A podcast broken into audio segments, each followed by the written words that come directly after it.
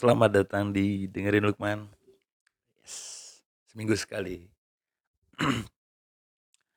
ya, selamat datang buat pendengar semuanya yang mungkin lagi sakit atau yang sedang bekerja, berolahraga. Ya, selamat datang semua pendengar Dengerin Lukman. Oh ya, selamat merdeka, selamat dirgahayu apa? Selamat dirgahayu. Dirgahayu ulang tahun keberapa sih Indonesia? 70-an. Ya, semoga semoga dan semoga. apa kata-kata yang pas untuk Indonesia? Eh, tidak lagi umur yang tidak muda dan tidak juga paling tua. Ya masih 70 ya masih seumuran bapakku lah. Walaupun udah tua untuk negara ya bukan patokannya bukan umur ya. Ya, Cina juga tahun 60, Singapura juga masih baru tapi udah maju duluan. Ya siapa yang bergerak duluan sekarang? Bukan masalah dirgahayu ke 70. Bukan masalah nyari paling tua, bukan masalah nyari bukan patokannya umur lah. Umur anjing masih bahas tuaan mana, negara mana. Hmm, merdeka ya. Mungkin yang paling merasakan masih Jawa. Walaupun Jawa juga banyak tanah-tanah konflik. Banyak juga Jawa tanah konflik. Tapi tidak sebanyak di luar Jawa. Ya mungkin masih merasakan paling merdeka lah Jawa, Sumatera Selatan enggak, enggak, enggak. Banyak juga Sumatera Selatan juga apa? Sumatera Utara mungkin Medan, enggak juga. Sulawesi Selatan mungkin. Enggak juga. Ya Jawa deh. Ya Sulawesi Selatan paling maju sih di luar Jawa. Ya itu belum merata karena memang susah ya. Eh apa ya? Belum mandiri ya pemerintah daerahnya mungkin ya kurang mandiri. Mungkin cocok untuk jadi negara federal. Buat negara-negara sendiri tapi masih dalam negara Indonesia. Ya dikasih kebebasan lebih bukan daerah otonom ya. Dikasih lebih lagi. Tapi tidak disuntik biaya. Nah, yang paling merasakan merdeka mungkin Jawa ya. Mungkin dulu di waktu Belanda juga paling apa? Paling merasa paling berkorban kan. Karena sering hancurnya kan di Jawa juga. Kayak kejadian apa? Anyar Panaruh kan seribu. Terus kerja Romusa.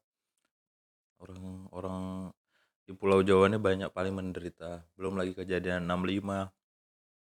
Jadi jadi itu dibentuk oleh sejarah akhirnya bangsa bangsa bukan bangsa suku Jawa suku Jawa ya dan sekitarnya itu lebih adaptif gitu kalau berpindah-pindah berpindah-pindah daerah menyesuaikan bahasa.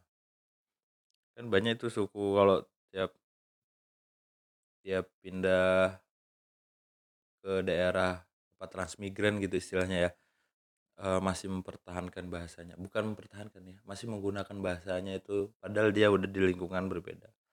Jadi muncul banyak konflik.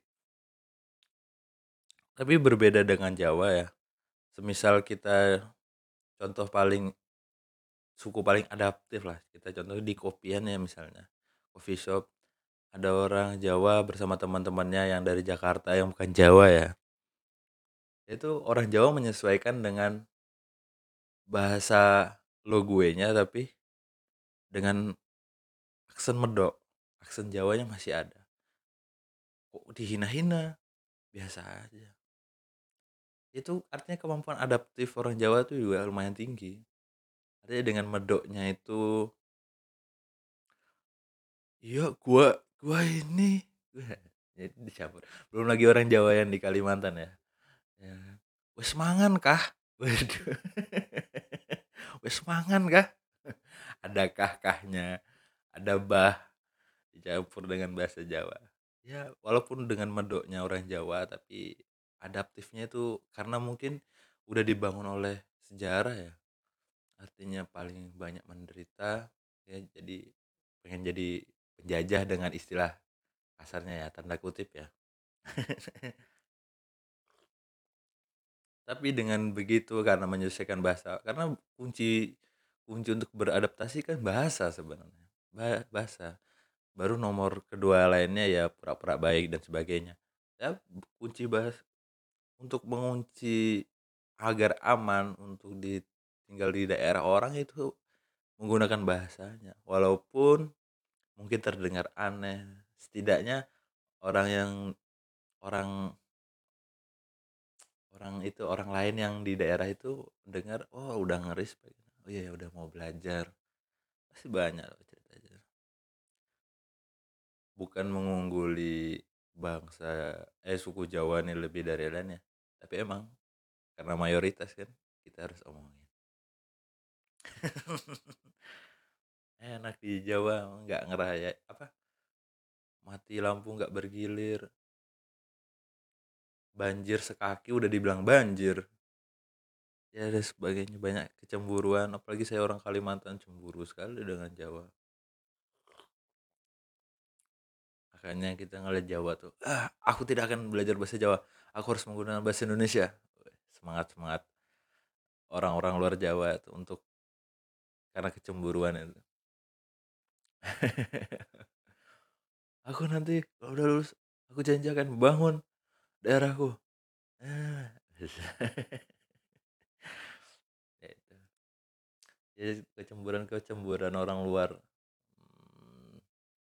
menganggap orang Jawa tuh katro eh itu ya orang Jawa jangan marah karena kecemburuan itu udah terbangun lama. Karena pendidikan pertama gak ngerata listrik masih sering mati. Air di Kalimantan itu kalau kalian tahu ya coklat. Kalian pasti orang Jawa iya jijik aku ya. Tapi airnya bersih kok. Orangnya orang Kalimantan juga ganteng-ganteng kan. Air sungai loh ya orang kaya mungkin pakai air apa ya air raksa nggak tahu. Tapi kalau di rumahku pakai air sungai itu coklat itu jadi kita harus filter sendiri pakai kain lah. Tapi sama aja tetap coklat. Tapi orangnya harum-harum juga. Gitu lah. Jadi orang Jawa kalau misalnya itu kemungkinan juga nggak marah sih nggak kayak nggak marah. Harusnya nggak marah sih. Ya emang wajar misalnya ada orang Papua. Ini apa musuh kita harus dipaksa nih memaksa tetap pakai bahasa daerah karena ke Jawa ya nggak masalah. Orang Jawa jaga jangan tersinggung. Misalnya orang Jawa dibilang pembantu ya jangan tersinggung bombo biasa. Itu karena kecemburuan sosial aja. Ya, mungkin banyak ya gesekan-gesekan gitu ya Jawa Jawa kan cuma jualan jualan apa? Lalapan ini. Ya orang Jawa pasti jangan marah biar daerah-daerah lain juga apa cemburu gitu loh. Selain orang Jawa mayoritas orang Jawa juga paling menikmati kemerdekaan ini. Belum lagi kasus kalau wartawan-wartawan di luar. Untuk kasus UU ITE juga ya wartawan di Sulawesi Selatan ya ditangkap karena membahas korupsi. Nah kalau di Jawa bakal di demo tuh di bakal gampang dicari di track. Mata Najwa nggak bakal ditangkap. Karena dia di Jawa dan dia terkenal di Jakarta. Ya beda dengan kasus wartawan-wartawan daerah yang punya semangat anti korupsinya tinggi. Eh jurnalis kan mengutarakan apa yang dia lihat. Itu guna apa? Pengawas demokrasi juga kan lanjut ke kasus berikutnya mural. Mural mural dan mural. Kenapa mural itu menakutkan buat pemerintah? Apa ada kekuatannya moral itu? Graffiti dan gambar-gambar tulisan tulisan gambar-gambar yang apa kritik-kritik pemerintah kritik-kritik sosial keadaan itu moral itu sangat menakutkan ya. Bahkan dipakai zaman-zaman revolusi Bung Karno tuh gitu. ya mungkin NKRI harga mati tuh berawal dari mural ya. Sampai sekarang NKRI harga mati dengernya cuma oh semangat tapi nggak tahu artinya loh. Harga mati. Artinya dibayar dengan kematian gitu. Kita bernegara dibayar dengan kematian nggak paham aku. NKRI harga mati juga nggak paham aku itu mungkin gambar-gambar NKRI harga mati juga udah dari mural ya. Semangat revolusi semangat juang revolusi. Karena kekuatan mural tuh emang sebegitu meningkatkan apa marah luapan emosi kesedihan bahagia diulupkan dari gambar. Itu. Katanya siapa ya? Pokoknya mural itu kan kritik sosial ya kritik sosial jadi senimannya cuma nangkap layar yang ada di depan matanya sama di yang yang dia rasakan. Jadi ketika ada tulisan Tuhan aku lapar terus Jokowi 404 not found itu ya aku nggak paham juga artinya pokoknya hilang ya itu istilah internet gitu kan. Kalau internet nggak nyambung sama diblokir atau nggak ada websitenya jadi kritik-kritik itu kan mungkin bagi negara takut ya. Ah jadi kalau kita perang tuh perang lewat gambar aja ya negara takut loh. Gak usah pakai senjata. Mungkin eh, orang-orang separatis lebih pakai gambar sih harusnya sewa-sewa seniman gitu. Gak usah angkat senjata. Kan negara takut sama gambar kok. Kita harus mungkin harus belajar ke ngapain itu lo takut? Karena kan polisi masih bisa ngendaliin orang yang gambar maksudnya bisa diawasi oh yang gambar ini. Pasti mereka udah tahu yang gambar itu siapa jadi diawasi. Nggak mungkin kan pokoknya jangan sampai angkat senjata aja. Masuk orang seniman angkat senjata kan nggak mungkin. Senjatanya ya kuasa sama pensil itu. Mungkin sama damage-nya ya. Tapi ya artinya polisi atau pemerintah masih bisa ngawasi ngapain harus takut? Kan masih terkendali. Kita harus mungkin belajar contoh ke Katalun ya. Spanyol sama Barcelona itu kan Spanyol dulu di, dipimpin oleh jenderal yang bengis gitu. Bengis banget. Spanyol itu kan juga kolonial ya. Maksudnya dia juga menjajah dan di menjajah perang itu juga menjajah dan perang. Ya dia ngambil daerah Eropa sebagian Brazil dan sebagainya. Indonesia juga pernah. Spanyol Portugis sih nggak tahu sih Spanyol pernah. Filipino ini eh sih pokoknya Spanyol juga negara jajah lah. Aku main di Assassin's Creed kok. Ngeliat Spanyol juga penjajah. Ya kembali lagi ke topik ya. Dulu dipimpin oleh jenderal yang bengis. Nah dulu kan orang Katalun itu kan dianggap separatis Spanyol kan. Sama kalau kita ngeliat sekarang dengan kita ngeliat orang OPM lah separatis gitu. tapi jenderal bengis itu tidak tidak melakukan pembungkaman yang ini karena karena terkendali. Dibuktikan dengan orang Katalun membuat Camp Nou ya Camp Nou lapangannya Barcelona itu lapangan kandang. Nah di situ kan lapangan Camp Nou kan digunakan untuk menjelek-jelekkan lawan lawan ini lawan politiknya kayak negara Spanyol dijelek-jelekan di situ di situ juga boleh menggunakan bahasa Katalun. Artinya kan nah sama jenderalnya ditanya kok nggak kau bunuh itu? Asal mereka nggak angkat senjata kita nggak apa asal cuma di Camp Nou aja. Mereka bisa ngomong dengan bahasa Katalun tidak menggunakan bahasa Spanyol. Mereka bisa untuk mengajak apa istilahnya di sana makar mungkin. Tapi cuma sekedar riuh-riuh di di stadion aja. Dan itu terkendali.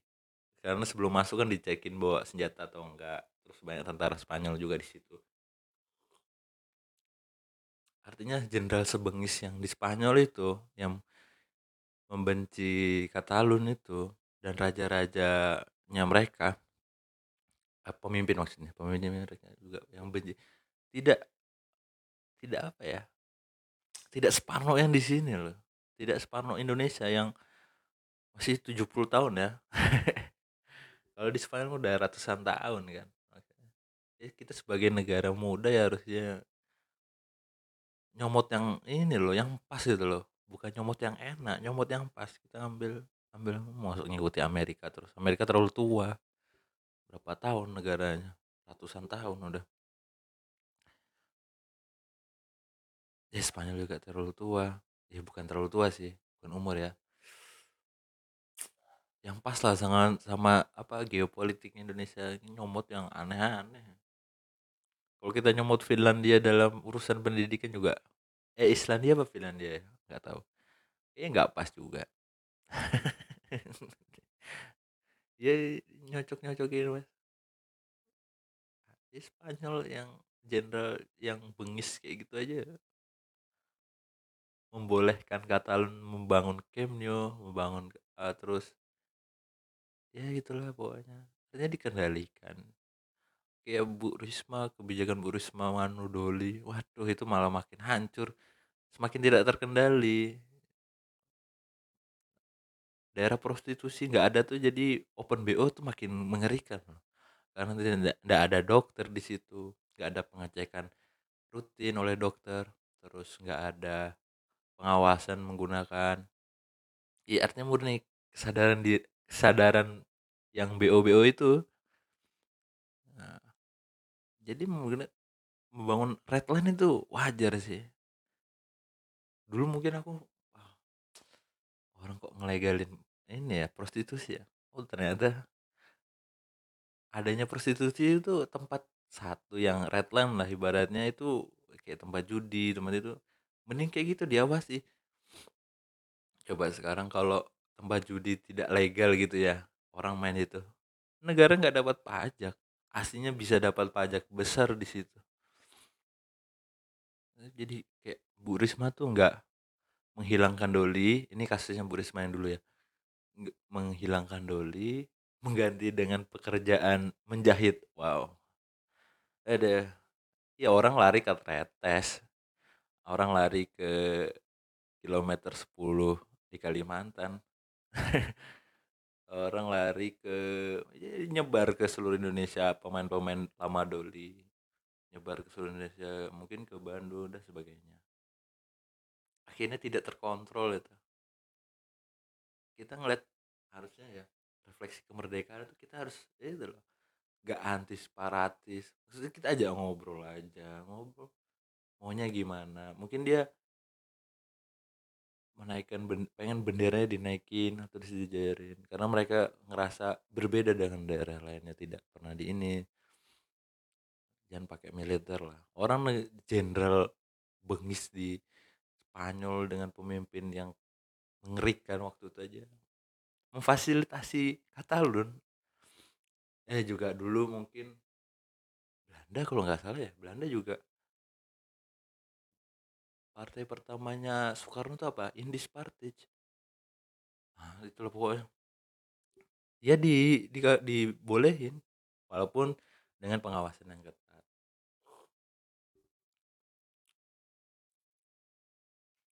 Soekarno juga pernah jadi iklan Romusa kalau nggak salah. Lucu sekali. Ya itu ya mungkin ya yang harus diikuti di Indonesia ya kan karena masalah separatis ini belum pernah selesai ya jadi negara mana pun. Tapi setidaknya contoh menggunakan jalan humanis seperti Gus Dur itu lebih mahal dan lebih pas efektif ketimbang mau angkat senjata. Ya selamat merdeka lah. Dirgayu ya bahasanya dirgayu Indonesia. Nah itu aja mungkin ya. Apa bahas Cina ya? Bahas Cina gak ya? Gak ada besok ya. Ya terima kasih. Oh iya buat ini ya. Uh, nanti buat yang nunggu katalis ya bakalan ngeluarin produk produk yang lebih eksklusif ini ya. Untuk periode September kalau Insya Allah September ngeluarin produk handmade. Handcraft termasuk handcraft pokoknya handmade lah. Uh, bukan sablonan lagi lebih ke menggunakan tangan manual. Ditunggu aja karya Katalis dan Tria ya. Bakalan keren lah ini. Lumayan keren ini. Idenya Tria. Ya semoga cepat laku aja. Banyak diminati segera diadopsi karyanya. Jangan lupa kunjungin juga ya Katalis Art Shop. Uh, terus apalagi ya Nasri mungkin Nasri. Ya Anto masih sakit. Segera sedih doakan sembuh. Baik lagi nanti kita catering kita jalan lagi catering. Kembali lagi ke catering dan sebagainya. Rencana-rencana September ini Insya Allah berjalan lancar. Buat kalian juga yang sudah merencanakan jauh-jauh hari dan mau mengeksekusinya di bulan September ya semoga dilancarin semoga diberkahin buat yang masih sakit berjuang masih yang long covid masih yang covid masih yang sedang berjuang dan ini semangat teman-teman. Semua kita akan lolos ya semoga kita akan lolos di era pandemi ini. Ya terima kasih semuanya yang mendengarkan. Ya salam